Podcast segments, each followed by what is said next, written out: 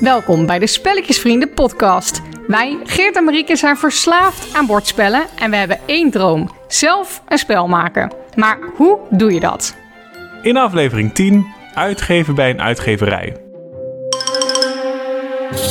Superleuk dat jullie weer luisteren naar een nieuwe podcast. Wij zijn Geert en Marieke en wij zijn de Spelletjesvrienden. En allereerst wil ik even terugkomen op de laatste vraag die we tijdens de vorige podcast stelden. Namelijk, waar luisteren jullie eigenlijk naar onze podcast? Nou, dat hebben we geweten. We kregen superleuke foto's toegestuurd. Sommige mensen luisteren gewoon vanaf de bank of terwijl ze het huishouden doen. Maar we kregen zelfs foto's vanuit de Algarve. Ja, ik was toch een klein beetje jaloers. Het zag er heel mooi Het zag je- uit. En dan onze zwoele stemmen op de Nou, achtergrond. Echt wel? Ja, terwijl je dat gewoon hoort, eh, terwijl je dat gewoon ziet, zo'n prachtig uitzicht. Nou, ik zou ervoor tekenen. Ja, ik zou ook niet meer gaan zwemmen. Ik zou gewoon alleen maar naar ons luisteren. Is zeker niet. Dus dat is heel leuk. Dus mocht je nog eh, leuke foto's hebben op bepaalde plekken waar je het luistert, in de tuin of weet ik het wat.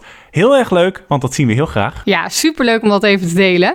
Maar dan, wat hebben we de afgelopen tijd gespeeld? Nou, de afgelopen tijd hebben we twee nieuwe spellen gespeeld. Eentje was echt gloednieuw. En als we heel eerlijk zijn, de andere hadden we al een keer gedaan. Maar laten we het eerst over de belangrijkste gaan hebben, namelijk Pendulum. Ja, en dat is eigenlijk echt een nieuwe uitgave, zowel in het Engels als in het Nederlands. Best wel bijzonder eigenlijk. Normaal lopen we in Nederland best wel achter, hè? Dan komen eerst de Engelse spellen uit en pas als ze eigenlijk goed lopen, dan besluit de Nederlandse uitgevers de rechten te kopen. En dan komt hij ook in het Nederlands. Maar eigenlijk die spellen van Stonemaier Games, die komen vaak bij 9 Games uit. En die hebben denk ik een soort afspraak gemaakt, waardoor het altijd een beetje tegelijk uitkomt. Ja, inderdaad. Dus dat is wel heel fijn. Je hebt het bijvoorbeeld gezien bij Wingspan. Dan was die volgens mij in het Nederlands wel net iets later. Maar Tapestry was ook gewoon in dezelfde tijd klaar. En Pendulum nu dus ook. En Pendulum is best een bijzonder spel. Ja, het is namelijk een real-time spel, maar het is ook weer geen real-time spel. Maar misschien moeten we eerst even uitleggen wat een real-time spel is. Ja, en eigenlijk zegt de Engelse naam het al. Het is eigenlijk de bedoeling dat je het gewoon echt in de echte tijd speelt. Een voorbeeld daarvan is bijvoorbeeld Pandemic Rapid Response of Magic Maze. Daar zet je vaak een, eh, een zandloper draaien om. En dan moet je binnen de tijd van de zandloper wat doen. En er zit altijd wel een klein beetje haast bij. Ja, ik vat het samen met één woord. Chaos. Chaos, inderdaad. Ja, vooral bij een, bijvoorbeeld een partyspel, een partyspel nou, Pandemic Rapid Response is ook één grote chaos. is één grote chaos inderdaad. Want je moet gewoon zo snel mogelijk je acties uitvoeren. En bij Pendulum was men daar heel erg bang voor. ja, hè? Toen ik het- ook hoor, want ik heb niet zo heel veel met real-time spellen, als ik eerlijk ben. Nee, snap ik. En ook toen het idee ge- gepresenteerd werd, toen dacht men in van ja, niemand houdt echt van haasten. Zeker als het zo'n strategisch spel is. zandlopers. Nee, dus toen zei Jamie, de man achter Stonemaier Games, ook van ja, maar het wordt geen haastspel. Dat is in ieder geval niet de bedoeling. En nu werd het voor het eerst gespeeld. En de vraag is, heb jij je gehaast? Nee. Ja, een beetje. Maar niet zoals... Je hebt niet het chaos-effect van Pandemic Rapid Response. Dus dat vind ik heel fijn. Want ik wil gewoon nadenken over mijn stappen... en strategische keuzes kunnen maken. En dit brein heeft tijd nodig. Ja, dat snap ik. Nou ja, dus dat is gewoon heel goed gedaan. Want het is ook gewoon een goed spel. Eh, eigenlijk is het principe als volgt. Je kunt een eh, zandloper op twee plekken hebben staan in een bepaald actievak. Je kunt hem aan de bovenkant of aan de onderkant neerzetten. En als er een zandloper staat, betekent het je mag in dat vak de actie uitvoeren. En als er geen zandloper staat, betekent het je mag de werker in dat vak weghalen of neerleggen. Dus dat zorgt er dus voor dat je hem eerst ergens inplant. En als de zandloper omdraait, dan staat er dus een zandloper bij dat vak. En mag je met die werken die je eerder hebt ingepland de actie uitvoeren. En daar is slim over nagedacht. Ja, het heeft eigenlijk een extra dimensie aan het principe worker placement. Dus het principe van werken plaatsen, actie uitvoeren. Normaal gesproken heb je daar een soort limiet bij, omdat je maar een x aantal werkers hebt. En je daardoor heel erg na moet gaan denken over: oké, waar laat ik mijn werkers? Welke acties kies ik wel? Welke acties kies ik niet? En hoe krijg ik mijn werkers weer terug? Dat is in elke worker placement anders. Maar nu heb je nog een extra iets waar je over na moet denken. En dat is namelijk: kan ik hem al inplannen? En wanneer is die zandloper klaar? Zodat ik hem om kan draaien en weer de andere kant van de baan kan gaan uitvoeren. Ja, inderdaad. Dus daar moet je echt over nadenken. Het zorgt ook voor een extra tactische keus. En dat maakt het, vind ik, gewoon echt een goed spel. Maar niet fantastisch. Nee, dat is het. Het is een goed spel. Het is een origineel spel. Er zitten hele toffe elementen in. Maar je moet er wel een beetje van houden. En ik zeg niet dat ik het niet leuk vind, want ik vind het wel leuk. Maar het is niet een de spelletje vrienden favoriet. Nee, inderdaad. Het komt niet in onze top 20. Maar ik vind wel, je moet het gewoon wel een keer proberen. Want het is echt anders. Het voelt uniek aan. Ik vind dat ze het heel knap gedaan hebben. Want het is echt een lastige keuze om een real-time spel te maken. Dat toch aanvoelt alsof je tijd hebt om keuzes te maken. Het is geen real-time spel, hè? Nee. Het is, Zegt Jamie. Als Jamie het zegt, dan is het zo natuurlijk. Nee, precies. Ja, maar uh, nee, het is wel... Nou, er zit nog alsnog dat time element in. Dus het is gewoon een goed spel. En ik denk wel dat je het gewoon een keer moet proberen. Ik vind het wel een real-time spel. Alleen de chaos ontbreekt. En dat is gewoon positief. Ja, Waar ook de chaos ontbreekt, mooi bruggetje, is bij de Isle of Cats. En dat is een spel die we een tijdje geleden al gedaan hadden bij vrienden van ons, hele goede vrienden van ons. Want die hadden de Kickstarter en dat vonden wij leuk. En toen hebben we hem uiteindelijk weten te kopen. Ja, en hij is heel lang uitverkocht geweest. Want ze hadden eerst een soort, ik denk, een restje van de Kickstarter bij de uitgever. waar wij inkopen uitgebracht. En die hadden we meteen uh, ingekocht. Maar die was ook meteen weer weg. We hadden er veel te weinig. Dus nu hebben we er veel uh, ingekocht. En dat is heel leuk, want het is dus een spel over katten. Het heet The Isle of Cats officieel. En als je dat nou heel snel zegt, dan krijg je I Love Cats. Ja, en dat gaan we nou weer net iets te ver. Ik vind katten prima, maar niet meer dan dat. Dit spel is wel meer dan dat. Ik vind het echt een goed spel, ondanks dat ik er even aan moest wennen. En dat dat puzzelelement, dat, dat Tetris-achtige, wat je ook in Odin en Patchwork hebt... Ondanks dat het eigenlijk helemaal niet per se mijn ding is. Nee, dat is inderdaad helemaal niet jouw ding. Maar dit is ook wel een Patchwork 2.0. Want wat ga je doen? Je hebt eigenlijk allebei een boot. Uh, een, een spelerstableau met een boot. En daar zitten van die vakjes op waar je dus die Tetris-puzzelstukjes op gaat plaatsen. En je gaat katten redden van de Isle of Cats of brengen ze naar de Isle of Cats? Dat weet ik eigenlijk niet. Oh, ik heb het achterliggende verhaal een klein beetje gemist. Maar er komt volgens mij een slechterik aan en je moet er zoveel mogelijk meenemen. Ja, precies. Het doel is, die katten moeten op die boot. Nou, die katten die staan dus op die Tetris-stukjes. En die ga je kopen met vis, uiteraard. Of eigenlijk lokken met vis. Maar dat is nog niet alles, want je hebt ook tijdens het hele spel... en dat is best een groot deel van het spel, een hele stapel kaarten. En daar staan allerlei manieren op waar je extra dingen mee kan doen. Sowieso de manden waar je de katten in moet vangen. Die moet je hebben, anders kan je geen katten te kopen.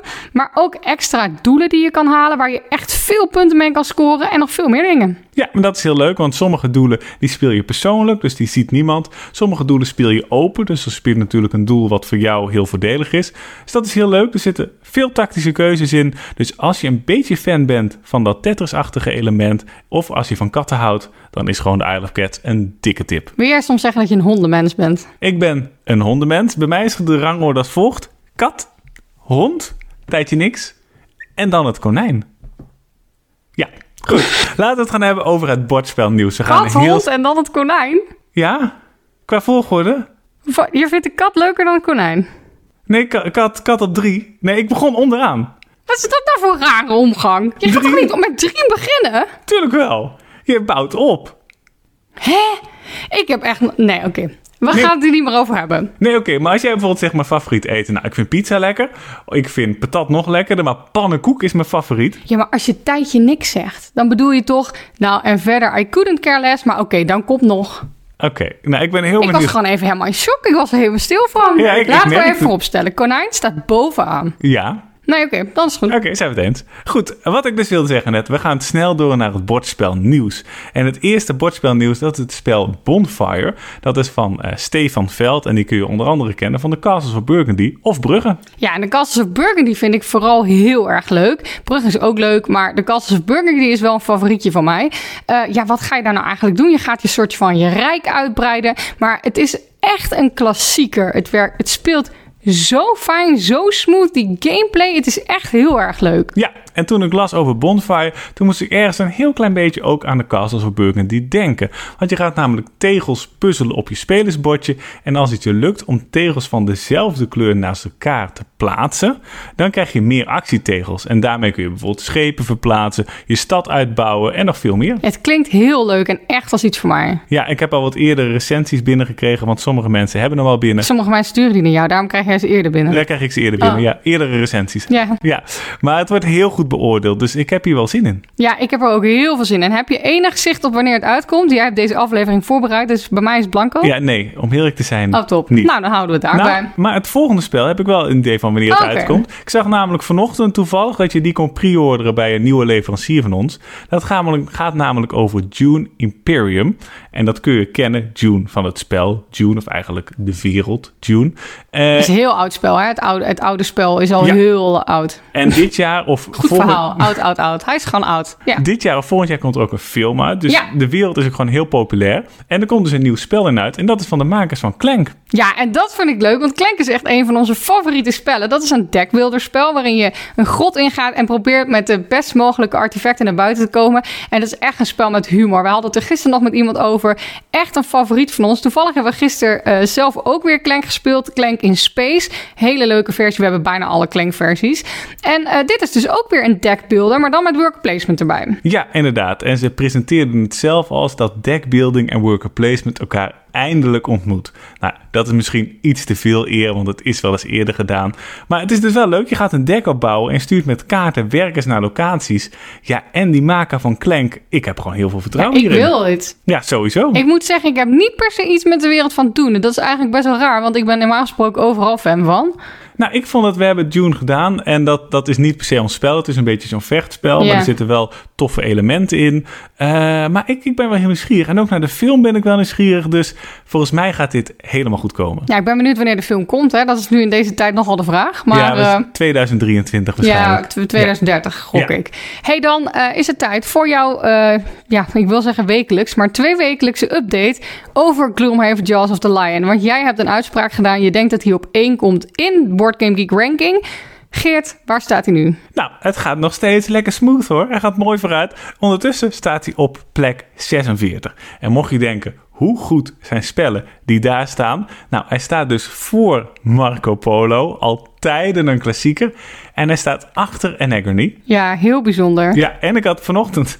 Ik hou dit goed in de gaten. Ik heb, Ja, maar je wil gewoon winnen. ik heb niks te doen in mijn leven blijkbaar. Want vanochtend heb ik het weer gecheckt. En nu staat hij boven Anagony en onder Azul.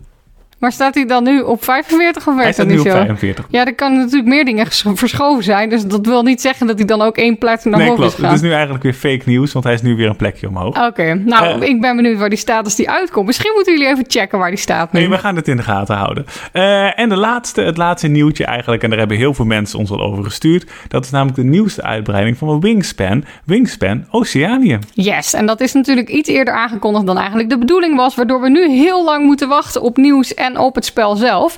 Eh, maar afgelopen week is er iets gedeeld over. Onder andere de cover, die had ik ook even gedeeld op Instagram Stories. En ik had even een polletje gedaan over of jullie hem nou mooi vinden of niet. Nou, ik vind hem prachtig. En gelukkig waren echt volgens mij 90% van de mensen het met mij eens. Maar wat zit er nou onder andere nog meer in? Nou, er zijn een paar dingetjes gedeeld, waaronder gele eieren.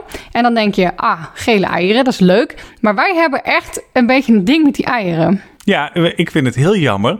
Maar goed, dat gaat natuurlijk veranderen. Maar dat, denk ik wel. dat ze geen functie hebben. Ja, wij vinden het zo raar dat wij hebben nu vijf of zes kleuren eieren zometeen. En punt. Ja. Dat, dat, dat doe je niks mee.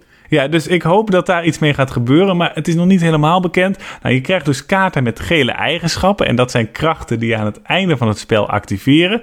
Er zitten nectar tokentjes bij en nieuwe dobbelstenen. En ik zag ook dat, er, dat je ook nectar kan dobbelen op die dobbelsteen. Dus dat, Oh. dat moet je dan volgens mij op de kaarten plaatsen. Ik weet het niet precies, maar dat is wel echt een nieuw element. Dus het klinkt voor mij iets vernieuwender dan de Europa-uitbreiding. Nou, ik heb daar heel veel zin in en ik ben er heel benieuwd. Volgens mij, en dat vind ik A, heel fijn, maar ook weer niet zo fijn, is deze doos wel weer groter. Want eh, de vorige uitbreiding Europa was natuurlijk zo'n halve doos. Ja, dat staat zo stom in de kast. Ja, ja, dus ik ben heel benieuwd eh, wat hier allemaal bij gaat zitten. Ze komen weer een hele hoop super toffe spellen aan. Maar goed, daar hebben we het nu genoeg over gehad. Laten we het snel gaan hebben over ons eigen spel.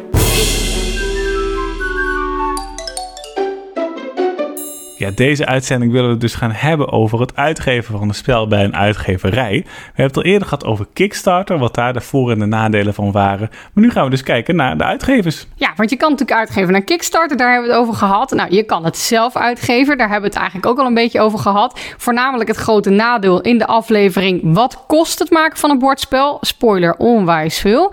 Maar je kan het natuurlijk ook uitgeven bij een uitgeverij. En dat is misschien voor veel mensen wel de meest logische gedachte. Je maakt een spel of je maakt het spelidee, je geeft het aan een uitgever en dan komt het er. Maar ja, A, zo simpel is het natuurlijk niet. B, wat zijn de voor- en nadelen? Want ook aan dit plan kleven nadelen. En hoe krijg je je spel bij een uitgever? Ja, dat zijn hele goede vragen. En we hebben nieuwe mensen daarvoor weten te strikken die daar antwoord op geven. En dat zijn echt voorbeelden van ons, namelijk Inka en Marcus Brandt. Ja, voor mijn gevoel zijn dat gewoon een beetje de Geert en Marieke zoals wij later wel zouden willen zijn. Zij hebben onwijs veel spellen uitgegeven en je kent ze zeker weten. Dit Duitse koppel heeft namelijk onder andere gemaakt Het Dorp, klassieker, de Exit-serie, al die escape room spellen die zo onwijs populair zijn en Keer op Keer. Ja, dat zijn allemaal stuk voor stuk toppers. En we vroegen hun wat nou de eerste stap is als je een spel wil uitgeven bij een uitgeverij. En zij gaven aan dat ze dan natuurlijk beginnen met het playtesten. Dus wij vroegen aan hun, hoe pak je dat nou aan? Ja, bevor ihr ein Spiel an einen Verlag gibt, müsst ihr es natürlich ganz äh, ausführlich getestet haben. Da empfehlen wir auch immer Tester zu nehmen, die wirklich neutral an die Sache rangehen und einem nicht das Blau vom Himmel herunterlügen, bloß weil man gut befreundet ist. Ähm, wir haben also zum Beispiel gemerkt, dass es äh, mit unseren besten Freunden gar nicht gut geklappt hat, weil die uns äh, ja nie auf den Schlips treten wollen, uns äh, ja nicht kränken wollten und immer behauptet haben, alles wäre schön, was wir machen. Ähm, das hilft natürlich nicht weiter. Und äh, inzwischen haben wir eine Testrunde aus auch sehr, sehr guten Freunden, die aber doch immer wieder die Wahrheit sagen und äh, auch auf den Tisch packen, wenn irgendwas nicht gefällt. Und äh, das hilft natürlich enorm weiter. En jullie hoorden natuurlijk zelf Dit was Duits en het Duits van heel veel mensen, waaronder van mij, is niet fantastisch. Uh, ze hebben nog wat meer fragmenten, dus zometeen krijg je nog meer wat stukken Duits. Maar we vonden het wel belangrijk om dat erin te houden. Maar toch om een beetje een idee te geven wat ze zeggen, hebben we het vertaald. Marieke heeft ooit een cursus Duits gedaan. Dat kwam heel goed van pas. En dit zeiden ze. Ja, nou, dit zeiden ze. Ik hoop dat ik het zo goed mogelijk vertaald heb. Voordat je een spel aan uitgever laat zien, moet je het natuurlijk uitgebreid getest hebben. En daarom proberen we zoveel mogelijk eerlijke playtests te doen met mensen waarvan we weten dat ze ons niet per se alleen maar complimenten gaan geven. We hebben bijvoorbeeld gemerkt dat het met onze beste vrienden helemaal niet werkte.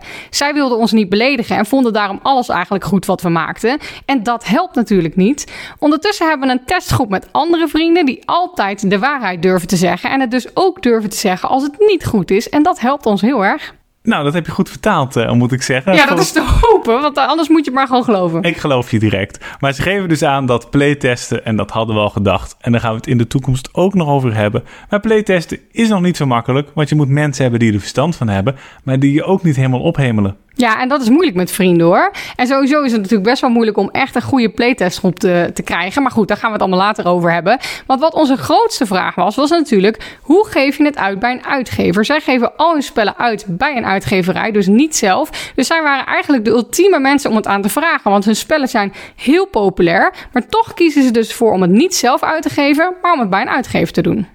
Ja, und wenn wir dann irgendwann das Gefühl haben, jetzt läuft das Spiel rund, wirklich in allen Besetzungen, äh, von zwei bis vier Spielern muss es in jeder Besetzung gleich gut funktionieren, die Regeln müssen verständlich sein, äh, dann gehen wir an den Verlag ran und da schauen wir natürlich, welches Programm hat der Verlag, äh, welche Spiele hat er noch im Programm, wo passt unser Spiel was wir gerade kreiert haben, am besten hin. Und wenn wir dann einen Verlag für uns ausfindig gemacht haben, dan contacteren we den.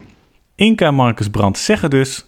Als we dan het gevoel hebben, nu loopt het spel lekker in alle samenstellingen, van twee tot vier spelers, want het moet voor elke samenstelling goed zijn en de regels moeten begrijpelijk zijn, dan gaan we naar een uitgever en kijken we welk programma de uitgevers hebben.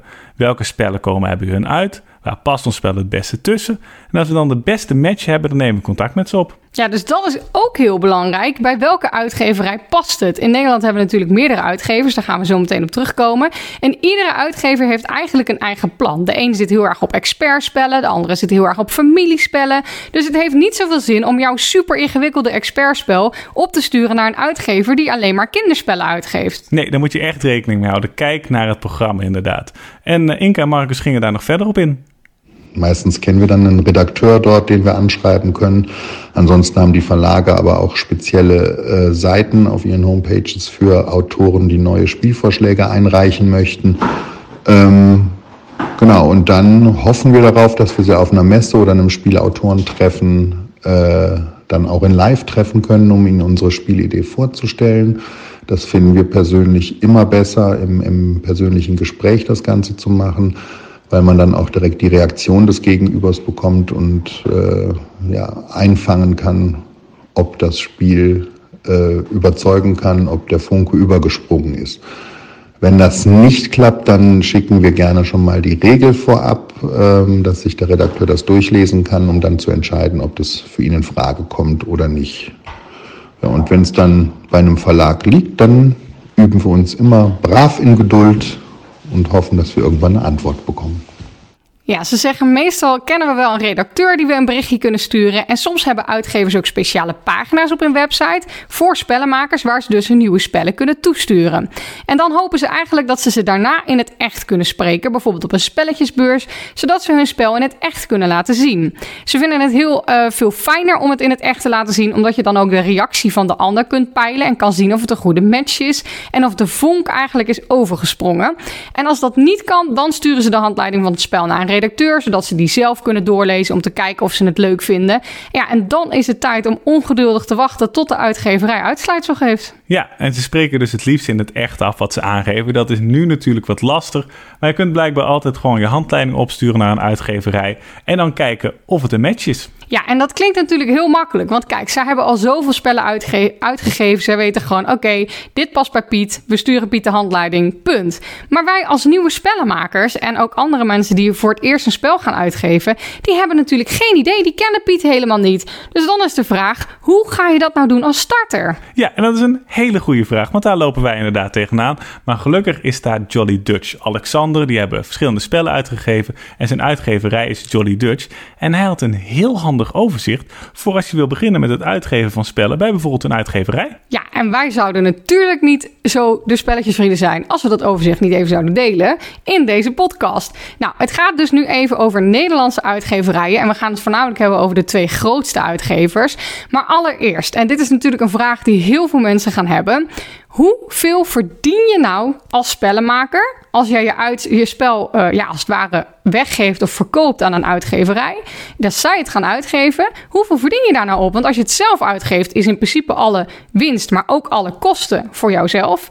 Dus wat heeft het nou als voordeel als je hem eigenlijk bij een uitgever laat uitgeven? Ja, en daar hebben we dus percentages voor. En het is bij percentages altijd even belangrijk om aan te geven dat het natuurlijk kan verschillen. Als je een bepaalde deal maakt met een uitgever, het zal waarschijnlijk ook nog wel verschillen of het een groot spel is of een klein spel. Maar even gemiddeld dus. En dan gaat het erom of je een idee presenteert, dus alleen een idee voor een goed spel, of echt al een marktklaar spel hebt waar misschien zelfs al artwork bij zit. Als je alleen het idee aanbrengt, dan kun je rekenen dat je er ongeveer zo'n 3 tot 6 procent voor krijgt van de omzet. Uh, mocht je echt een marktklaar spel hebben met artwork erbij, dan kan het zo'n 9 tot 7 tot 9 procent zijn. Maar kunnen we dan concluderen dat je er niet rijk van wordt? Dat kunnen we denk ik wel concluderen. Kijk, ik denk als je echt een hit te pakken hebt, zoals een Catan, een Carcassonne, echt die grote titels, dan kun je met 3 tot 6 of 7 tot 9 procent kun je daar nog behoorlijk wat aan verdienen. Maar als het gewoon een spel is wat redelijk populair is, dan, ja, dan denk ik niet dat dat echt superveel is. Maar ja, goed, als je het zelf uitgeeft, hè, de aflevering over de kosten van het maken van een bordspel, dan is de conclusie ook, nou verdien het maar, vergeet het maar dat je er wat aan gaat verdienen. Ja, de, überhaupt word je natuurlijk niet rijk van bordspellen. Dus mocht dat je doel zijn, dan moet je gewoon echt iets heel anders gaan doen in de filmindustrie of de game-industrie. Dus dat word je hier niet. Maar dat zijn dus wel percentages waar je rekening mee kunt houden. Als je alleen een idee hebt, 3 tot 6 en als je een heel klaar spel hebt, 7 tot 9 procent. Nou, we hebben dat in ieder geval gecharterd. En dan er natuurlijk nog met de uitgevers. Nou, in Nederland zijn twee grote uitgevers. Er zijn er natuurlijk wel meer, maar even twee grote waar we het nu over gaan hebben. Dat zijn 999 Games. Die kennen we allemaal. Van Catan, van Carcassonne, van Andor, maar ook bijvoorbeeld van Wingspan of de Taverne van de Oude Stad. En White Goblin Games kennen we ook allemaal. Maar eventjes terug naar de eerste uitgever, 999 Games. Wat doet hij nou? Nou, zij richten zich vooral op de grote massa. Dus op de familiespellen en een paar, één, twee expertspellen per jaar. Dit jaar was dat bijvoorbeeld de King's Dilemma. Ja, inderdaad. Dus die proberen echt een massa te bereiken. Ook met, ze hebben tv-reclames gehad bijvoorbeeld. Dus daar is het echt op bedoeld. Je moet daar niet met spellen aankomen die echt gericht zijn op een niche in de markt. Uh, de beste route om ze te bereiken was altijd de, ik hoop dat ik het goed zeg, Duco-Sim-beurt. Ja, Duco-Sim, ik weet Duco, het eigenlijk niet. Dat was het. Duco-Simbeurs in Amersfoort, waar je het spel kan laten zien en waarbij ze het kunnen proberen. Uh, maar ja, dat is nu natuurlijk wat lastig Maar goed, eh, als je een volledig ontwikkeld familiespel hebt met artwork dat ook al klaar is, dat maximaal 90 minuten duurt en qua productiekosten niet boven de 8 euro uitkomt, dan kun je ook gewoon contact met ze opnemen. Ja, en als je nu denkt, ja, weet ik veel of de productiekosten boven de 8 euro uitkomen, luister dan even naar de aflevering over de kosten van het maken van een bordspel. Dan heb je een beetje een indicatie. En als je nou denkt, ja, contact opnemen, uh, weet ik veel.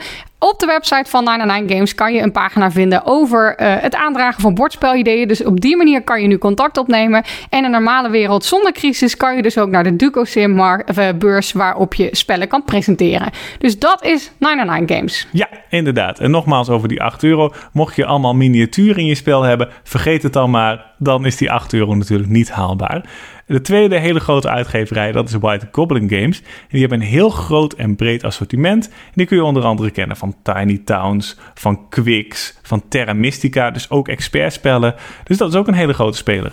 Ja, precies. Die hebben iets meer strategische spellen dan 99 Games. Cruciaal is wel dat de vaart erin blijft zitten bij het spel. Eigenlijk tijdens de hele speelduur. En de speelduur mag ook niet te lang zijn. Ja, minder dan twee uur meestal. En de beste manier om hen te benaderen is eigenlijk via de mail gewoon je spelregels opsturen. Dus echt het idee van je spel toesturen via de mail. Ja, dus dat is haalbaar lijkt me. Dat kan ook dus een klein beetje in deze tijd iets makkelijker bij 99 Games.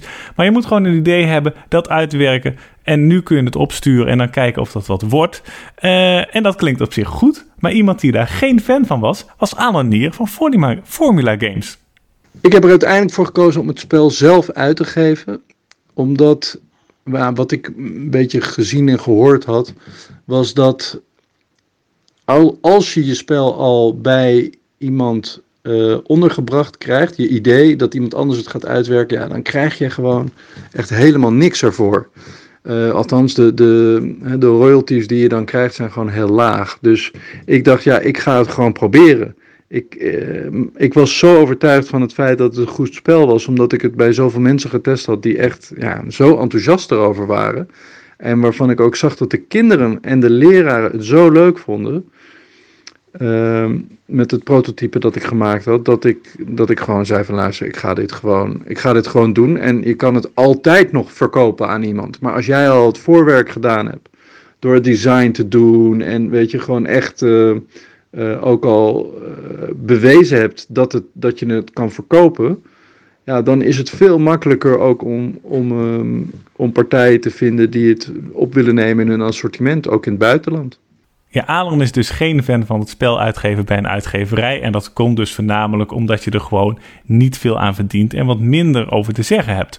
Uh, wat hij doet, hij uh, maakt het spel zelf. Hij uh, heeft het spel zelf uitgegeven en hij biedt het aan bij verschillende groothandels. Bijvoorbeeld bij Boosterbox, want daar kopen wij het in. Ja, maar wat is nou het verschil tussen een uitgever en een groothandel? Een uitgever is echt iemand zoals een boekuitgever, die, waar je dus het idee aan geeft en die zelf alles gaat produceren, gaat maken, artwork erbij gaat maken, die helemaal het spel maakt. Wat is nou een groothandel? Nou, die koopt eigenlijk bij verschillende uitgeverijen, vaak wel wat kleine uitgeverijen, het spel in. Dus dan is het spel af, maar zij kopen het gewoon in. En wat is dan het verschil tussen een groothandel en een winkel zoals die van ons? Nou, wij kopen het weer in bij de groothandel. Want groothandels kunnen het in grote getalen importeren uit het buitenland.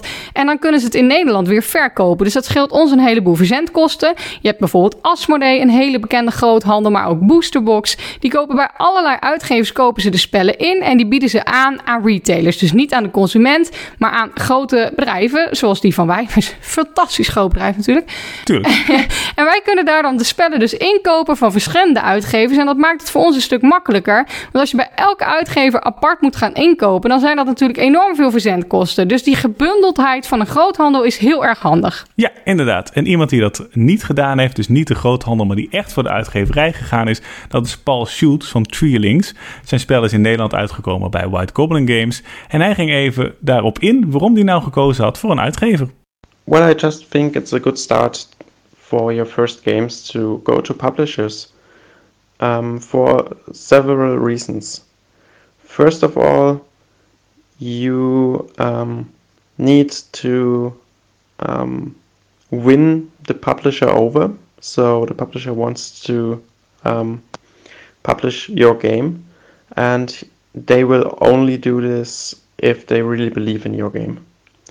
So you have the first confirmation from someone that your game is good.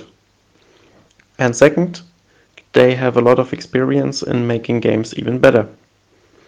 And uh, so I thought I might learn a lot by uh, going for a publisher instead of self publishing. The second thing, self publishing, is of course a risk, a fina- financial risk, which I didn't want to take. And the third reason, um, Treelings is just a too easy and too small game for Kickstarter. I think to do well on Kickstarter, you need a big strategy game or a miniature game, something which is more fancy and more flashy than this uh, small game of Treelings, which is more like a filler game. Ja, Paul die noemt dus verschillende redenen om het wel te doen. Om je spel wel bij een uitgever uit te geven. Ja, inderdaad. En de eerste die hij noemt is dat je een uitgever moet overtuigen. Dat klinkt misschien een beetje gek, maar zie het maar als een eerste date. Want als we eerlijk zijn, zijn we allemaal niet leuker op een eerste date. Dus je doet gewoon, je doet je best, hè? En dan hoop je dat het een match is. Jij vond mij helemaal niet leuker op onze eerste date. Ja, dat is nog wel een leuk verhaal. Nee, dat klopt inderdaad. Nou, leuker. Ik vond je natuurlijk heel leuk op de eerste date. Maar, hier komt wat achtergrondinformatie van onze eerste date. Marieke, die hield haar mond niet. Wil je zeggen dat ik veel klets? Ja, en je kletst je hele leven al heel veel, maar op die eerste date. Maar het fijne is, je wist het zelf ook direct. Nou, ik wist het achteraf. Ik dacht, dat heb ik toch een keelpaar. Waar komt het toch door?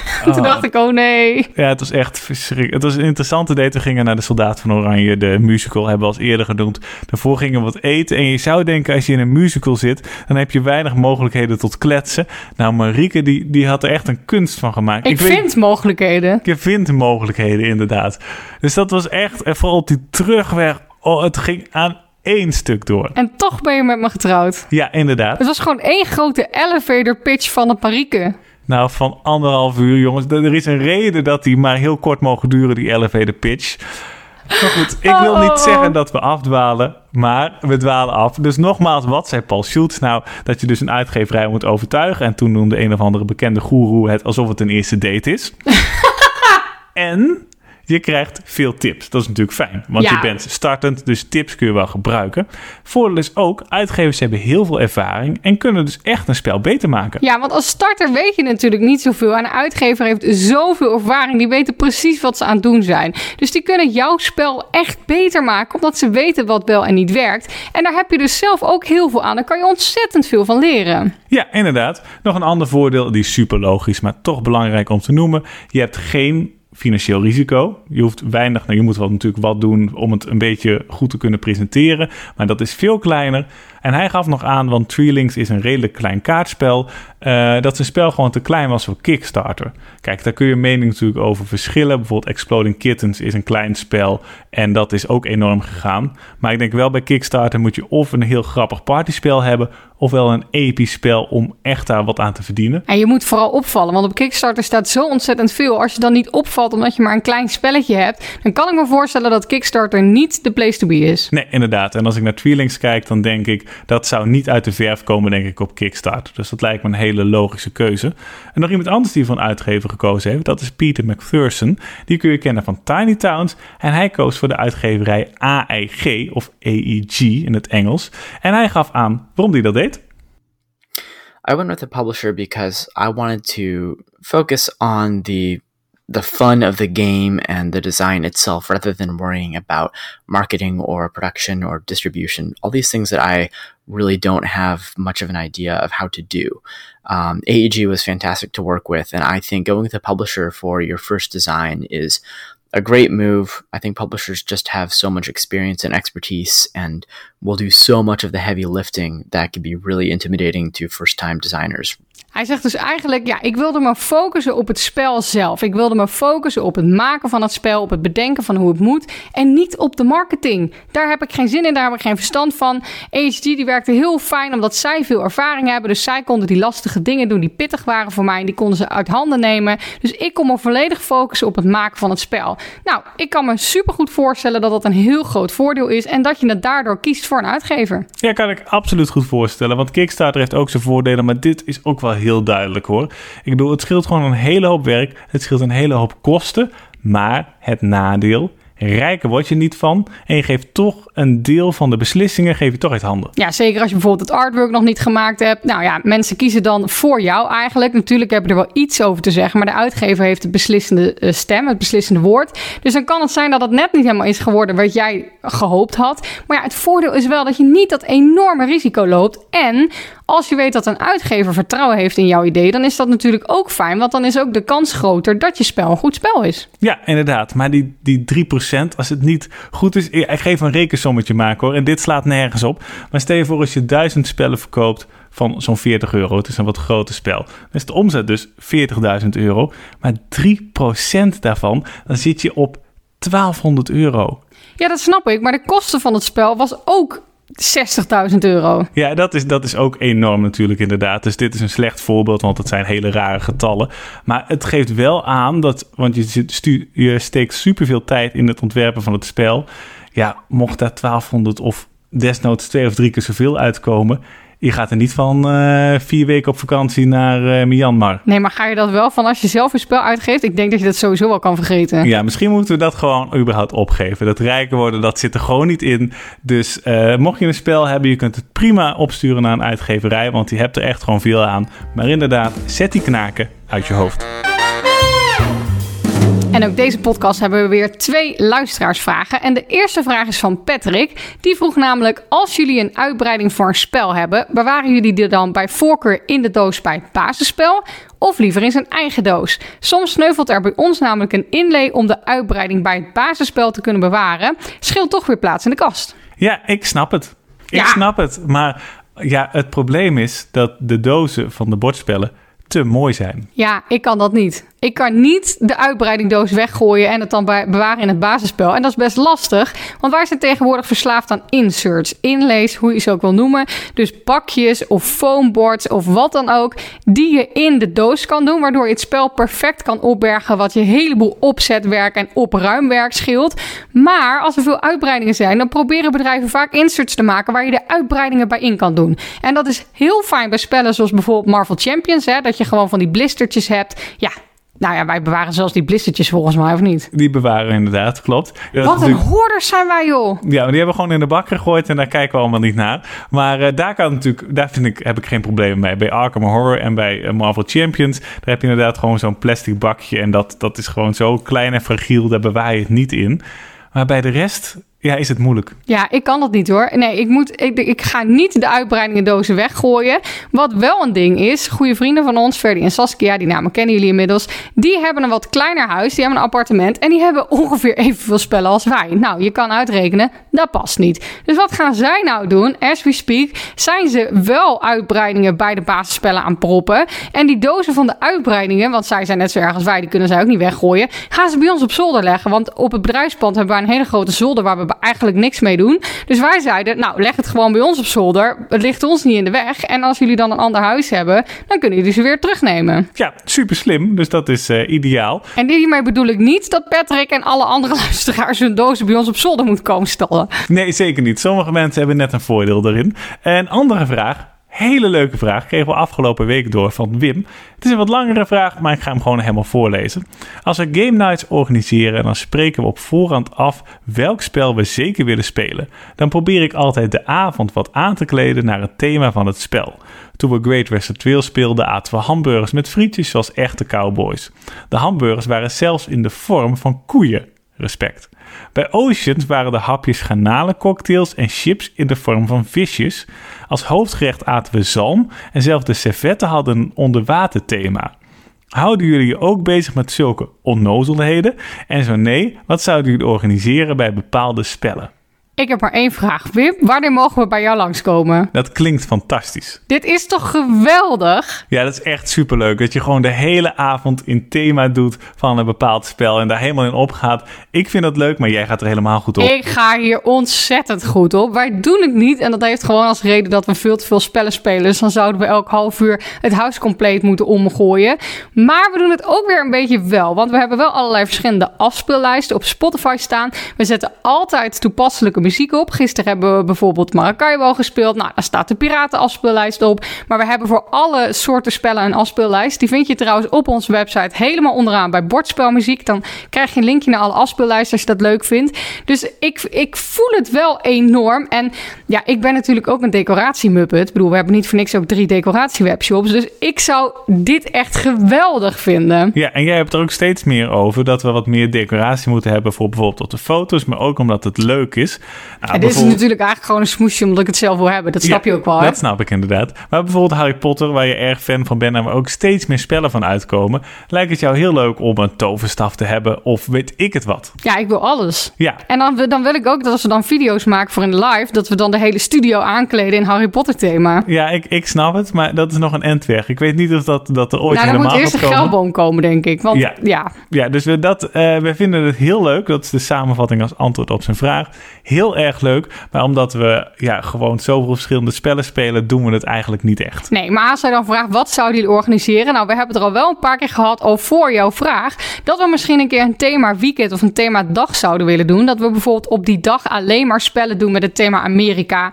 Dat is een beetje uit de crisis ontstaan, omdat je natuurlijk niet op vakantie kan. Dacht, dan hebben we een beetje dat sfeertje. Of dan doen we alleen maar Duitse spellen en dan gaan we allemaal Duits eten eten. Ja, inderdaad. Nou ja, en ehm, rondom Halloween is het leuk om allemaal spooky spellen te doen, zoals Mysterium Ja. of ik het wat. Dus dat is natuurlijk heel erg leuk. Dus eh, we doen het een beetje, maar, eh, maar ja, niet zo officieel. Wim, jij bent next level en ik vind het fantastisch. Ik ben helemaal fan, inderdaad. Nou, hopelijk zijn jullie ook een klein beetje fan. Maar dat kun je laten weten. Namelijk door een reactie achter te laten. Door een vraag op te sturen. Een recensie achter te laten. Of ons gewoon te laten weten hoe fantastisch wij zijn. Ja, wat, dat, dat willen wij horen.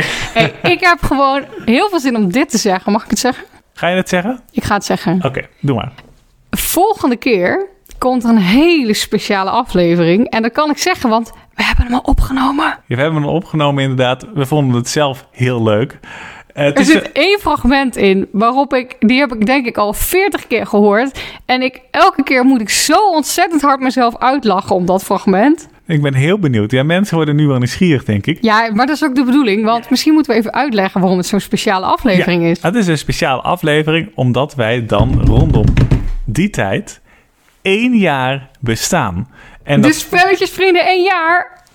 En dat gaan we uitgebreid vieren, dat toch? gaan we uitgebreid vieren. Jazeker. We gaan, eh, ik ga de term gewoon noemen. Er komt een week om het te vieren, laat ik het zo zeggen. We gaan er een week aandacht aan besteden. Nou, gooi dan de term er maar in. En we noemen het, origineel als we zijn, de feestweek. De Spelletjesvrienden feestweek komt eraan. En dat weten dan alleen de mensen... Oké, dat, dat, dat vind ik dan fijn. Alleen de mensen die de podcast geluisterd hebben, die weten dat dan. Nou jongens, er staan dingen op de planning. Je verzint het niet. We zijn hier al echt een hele tijd mee bezig. Ja, we, Ik ja. heb er zoveel zin in. ja, we zijn überhaupt ook een beetje aan het kijken hoe we het deze winter gaan doen. Oh man, Oh. wat een plannen. Ja, we kunnen nog niks zeggen natuurlijk, want niet alles is officieel. Maar elke maand staat er gewoon iets bijzonders op de planning. Deze maand is het de feestweek. Volgende maand staat iets op de planning. De maand daarna wordt helemaal een gekkenhuis. Ja, ik heb er heel veel zin in. En ik moet wel even zeggen, mochten jullie denken... ik heb nu al een beetje te veel van Marieke en Geert... dan kun je beter op dit moment even ontvolgen. Want, want, want eh, het wordt niet minder, laat ik het zo zeggen. Nee. Nee. Nou ja, je hoeft het niet te kijken en te luisteren. het Maar het zou leuk zijn als je het wel deed. Ja, maar goed, dat is over twee weken. Dus, dus kom zeker weten over twee weken terug. Mocht je op de een of andere manier alleen dit stukje luisteren... de volgende podcast kun je ook gewoon helemaal los luisteren. Ja. Het staat een klein beetje los eigenlijk van de rest. Ondanks dat het wel heel belangrijk is. Maar goed, over twee weken zijn we dus terug. Dan tijdens de feestweek. Mag ik afsluiten? Ja, mag ik het ook een keer zeggen? Jij mag het ook eens zeggen. Marieke, doe je ding. Lief groetjes!